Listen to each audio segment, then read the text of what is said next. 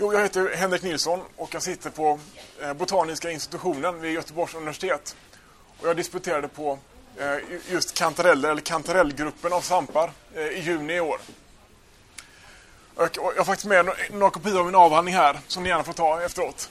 Och, också så, skrev jag någon lite populärvetenskaplig sak om kantareller och svampar i Magasin Brun. Jag får gärna ta en kopia där efteråt.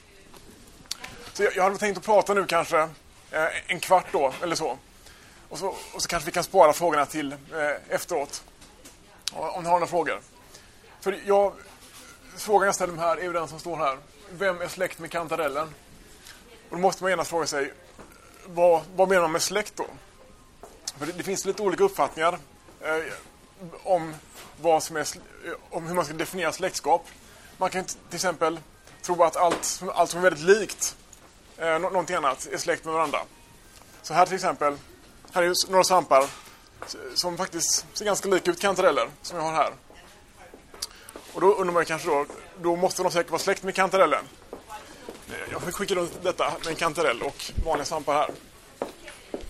Och mycket riktigt var det så eh, i, i, biologin förr i tiden att man eh, mätte släktskap i grad av likhet. Så att allt som var, ju mer likt någonting var någonting annat, desto mer släkt var de. Här är ett annat sådant exempel. Här är två trattkantareller. Och här är en som inte är en trattkantarell. Som jag ska prata lite mer, lite mer om. Vi kan skicka runt den också. Men när man tittar på sådana här fall och ja, för den delen om man tänker på fisk kontra val så förstår man att eh, likhet är inte alltid ett bra mått på släktskap. Fiskar och valar det känns väldigt lika kan man ju tycka. Men de är inte släkt. Eh, så med tiden så insågs det nog att eh, det här med att, att, bara gå efter ren likhet inte är helt bra då.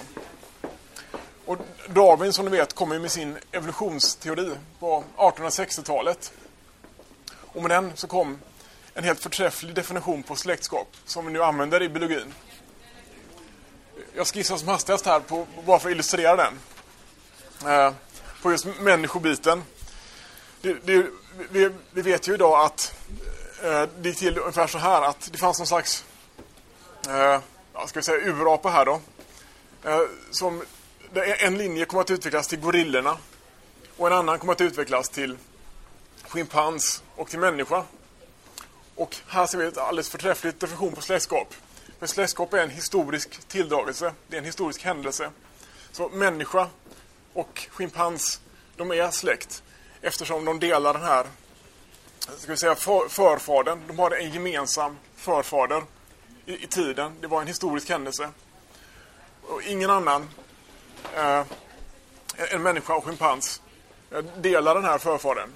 Och därför kan man inte heller säga att någon annan är, är, är släkt med de här på ett nära sätt. Hur lika de än må vara.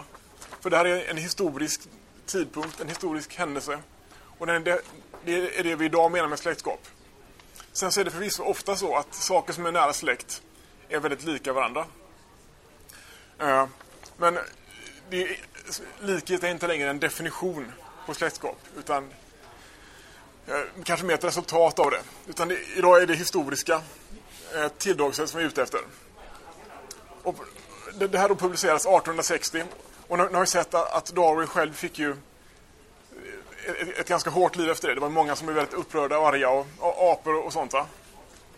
Men det, det tog ändå skruv inom vetenskapen att titta här vilken förklaringsmodell då. Det är jättebra. Så där i början så börjar man skissa på sådana här eh, evolutionsträd som detta är då. Lite för hand. Jag, jag, tror att så är så. Jag tror att svampar och växter borde vara samma. Jag skissade lite på det och det blev väldigt snygga träd. Slutet av 1800-talet. Men sen så insåg man att eh, mm, bara att tycka hela tiden. Jag, jag, tycker att den är släkt med den. Ja, lite skakigt då. Så då kunde man ha, eh, mäta, man fick schyssta mikroskop. Man, man kunde zooma in och titta och mäta och kvantifiera. Och ta bort lite av det där godtycket då i att bara rita sådana här träd.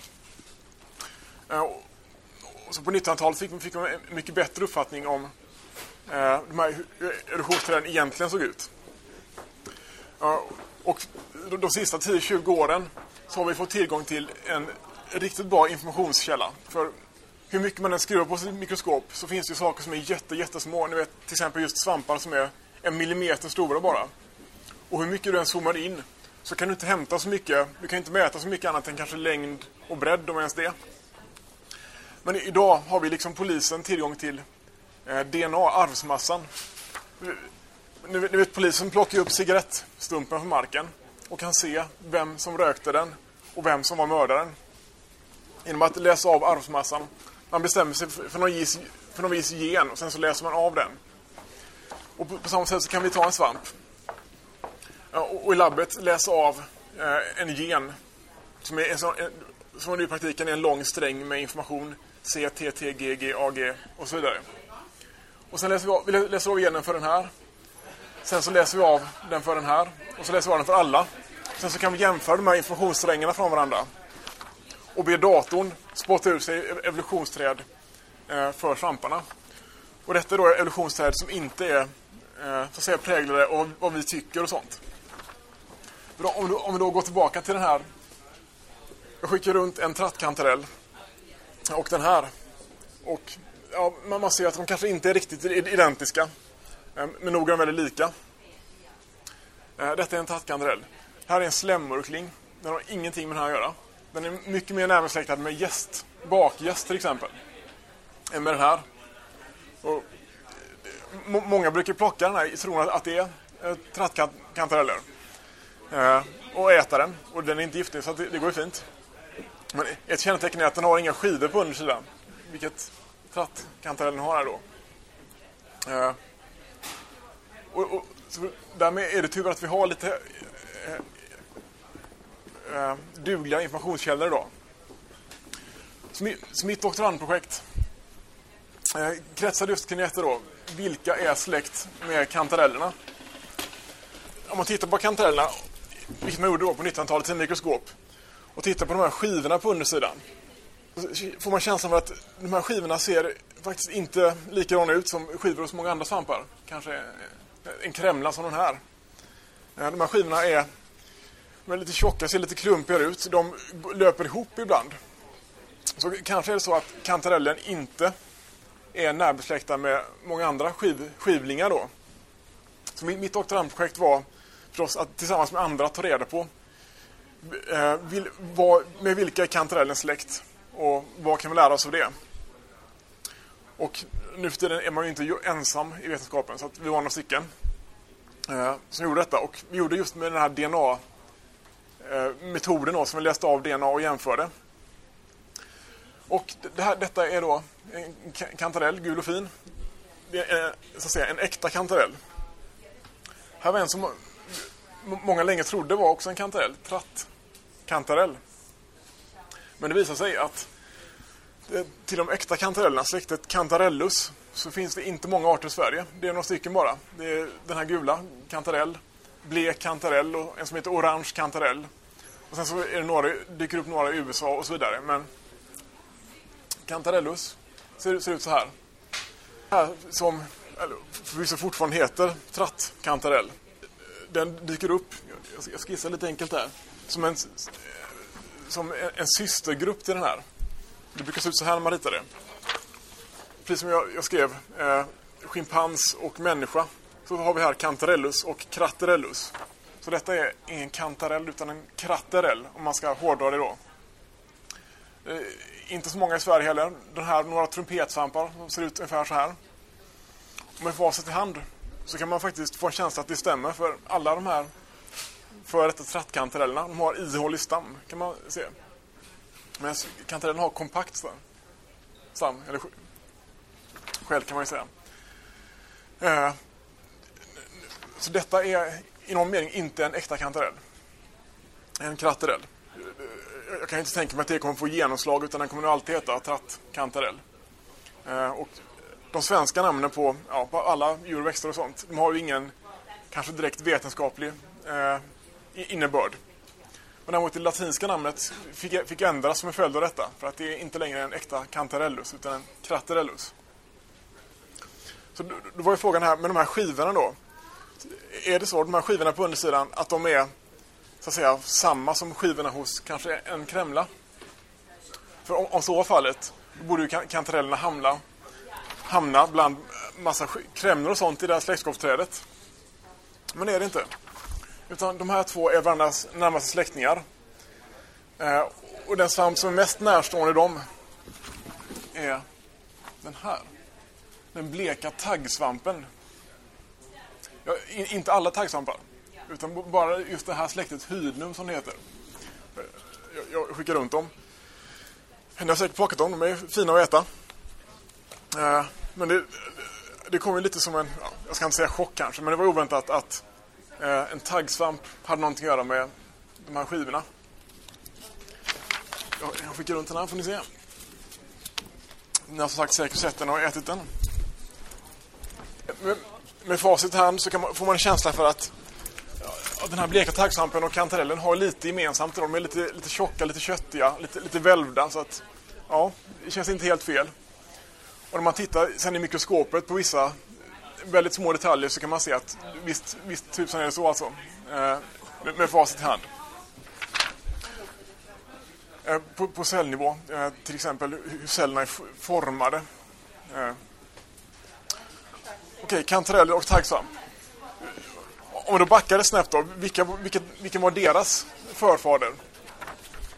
Och då eh, antar jag att vi backar kanske 50 miljoner år i tiden. Då har vi den här. Den här har inget färskt material tyvärr. Kamfingersvampen. En liten vit fingersvamp, växer, växer på ved. Eh, så en, en förfader som såg ut så här gav upphov till eh, den bleka taggsvampen och, och till kantarellerna. Och backar man ett snäpp till så hittar man skinnsvampar. Det är de här som ser ut som vit målarfärg eller ja, målarfärg på ved helt enkelt. Så det här, så här såg förfadern till kantarellerna ut. Eh, för några, kanske hundra miljoner år sedan. Ni kommer att hitta de här om ni bara går och vänder på lite ved i skogen. Eh, Jättemysk och svampar. Det finns ganska många. Och några stycken av dem, men inte alla, är kantarellsläktingar. Ja, jag kastar ut de här i publiken också. Men då måste man fråga sig en fråga här. Okej, vi, vi såg att eh, vi hade skivor här som inte är äkta skivor. Då kan man säga att det är lameller eller åsar istället. Och här var taggar då. Var, vilket budskap skickar kantarellen till oss genom att ha åsar överhuvudtaget? Jo, budskapet är att det är ett ganska hårt liv i skogen. För, för på de här skivorna, eller lamellerna, så bildas sporer. Det är som svamparnas frön kan man ju säga. Och den har de här skivorna för att få en större yta. Det är förstås så att om du bildar sporer på, på skivor som ligger bredvid varandra så, så får du en mycket större yta än om det bara hade varit helt platt under till.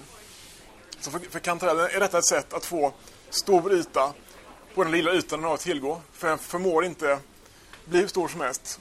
För det finns konkurrens och det blir torrt och maten kanske sinar och så vidare. På samma sätt taggar på undersidan. På de här taggarna så är det fullt av sporer. Så det är ett annat sätt att lösa det här problemet med att få så mycket yta per yta som möjligt om ni förstår. Det är ytförstoring. Och de här fingersvamparna som är ute och cirkulerar här någonstans. Det är också ett sätt. För att om, du, har, om du växer som sån här lite tinnar och torn så. Då får du förstås en mycket större yta. Än om du bara växer upp som en köttig boll. För då får du inte så stor yta. Eh, så budskapet är att det är ett tufft liv där ute. Och vi måste försöka vara så effektiva som möjligt.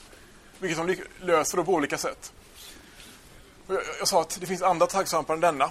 Det, det, vet ni också. Ni har sett att det finns bruna och mörka och så vidare. Så de har, har oberoende av varandra kommit fram till den här lösningen med taggar som ett sätt att förstora ytan. Och på samma sätt så har andra svampar än kantarellen också kommit på att det är smart att ha skivor under för att få en större yta. Soppar, jag har faktiskt med en sån här. Det är åter ett annat sätt.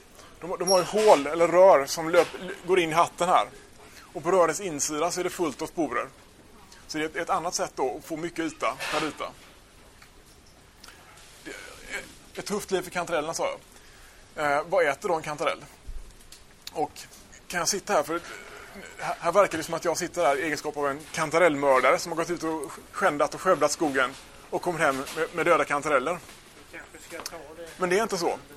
Utan det, det håller här är inte eh, hela kantarellen. Utan det är bara fruktkroppen.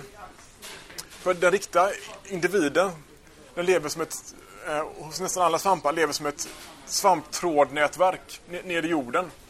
Som kryper omkring eh, och för, för det mesta bryter ner, nästan alla svampar bryter ner eh, ved och löv och, och sånt som ligger i skog och mark.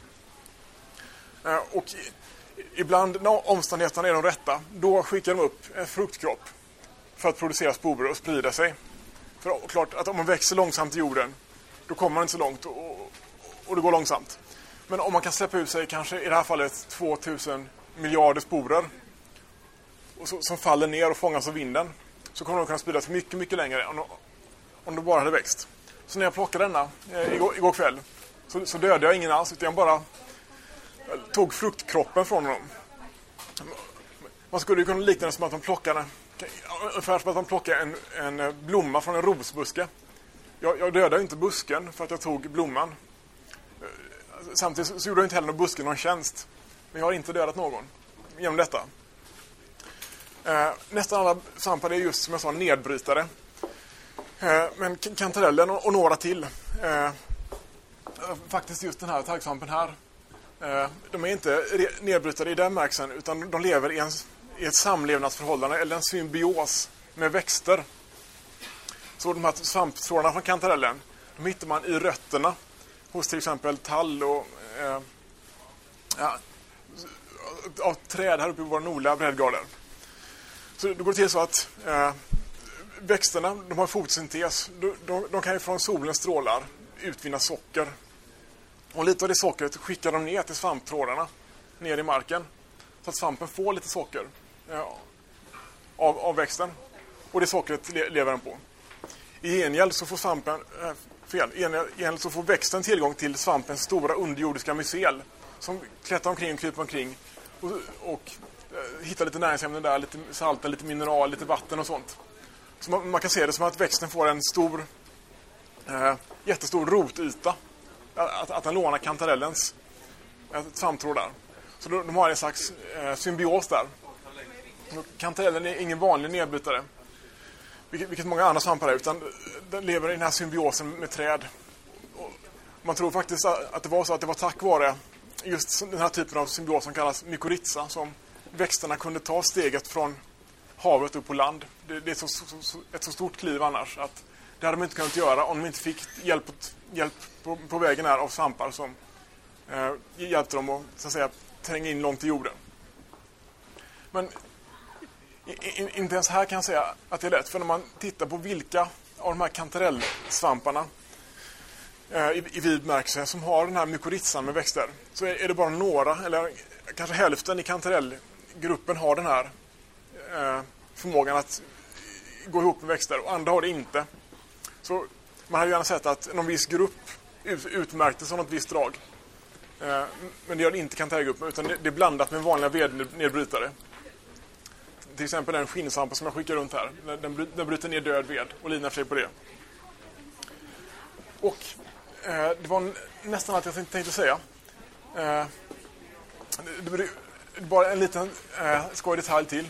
Eh, en fråga som jag ofta får, eller som man ofta får i branschen, det är varför är vissa svampar giftiga och andra inte?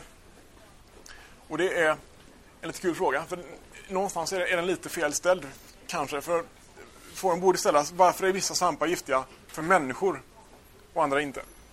För om man tittar på kantareller.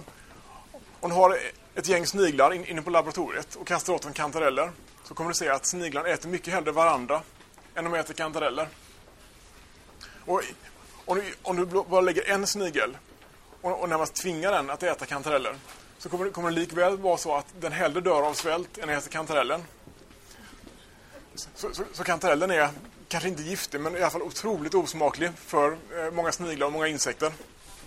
Så, så, det som vi tror är världens så att säga, snällaste svamp är, en riktig stygging för, för många andra. För det, det, anledningen till att svampar har eh, gifterna gifter, några stycken av dem, eh, som är giftiga för människan, är att svamparna har inte som vi har blodåder, de har inget blodomlopp. Så de kan inte cirkulera antikroppar och vita blodkroppar och sånt som tar hand om infektioner. De har inget sånt. Utan de får se till att bunkra upp med ett rejält kemiskt försvar så att ingen vill komma och äta på dem. Och några av de här kemikalierna som finns råkar vara giftiga för människan och andra råkar inte vara det. Eh, men det är förstås, eh, de är i första hand tänkta för just då eh, insekter och, och, och annat. Och ja, nu har jag alla sett förstås maskätarna, svampar och sånt. Så att, eh, trots att många svampar bunkrar upp med gifter så räknar man med att ungefär hälften går en, blir uppätna av eh, sniglar i förtid. Då. Hälften av alla fruktkroppar blir uppätna av sniglar i förtid. Och det tror jag var ungefär vad jag tänkte säga om kantarellerna och deras släktingar.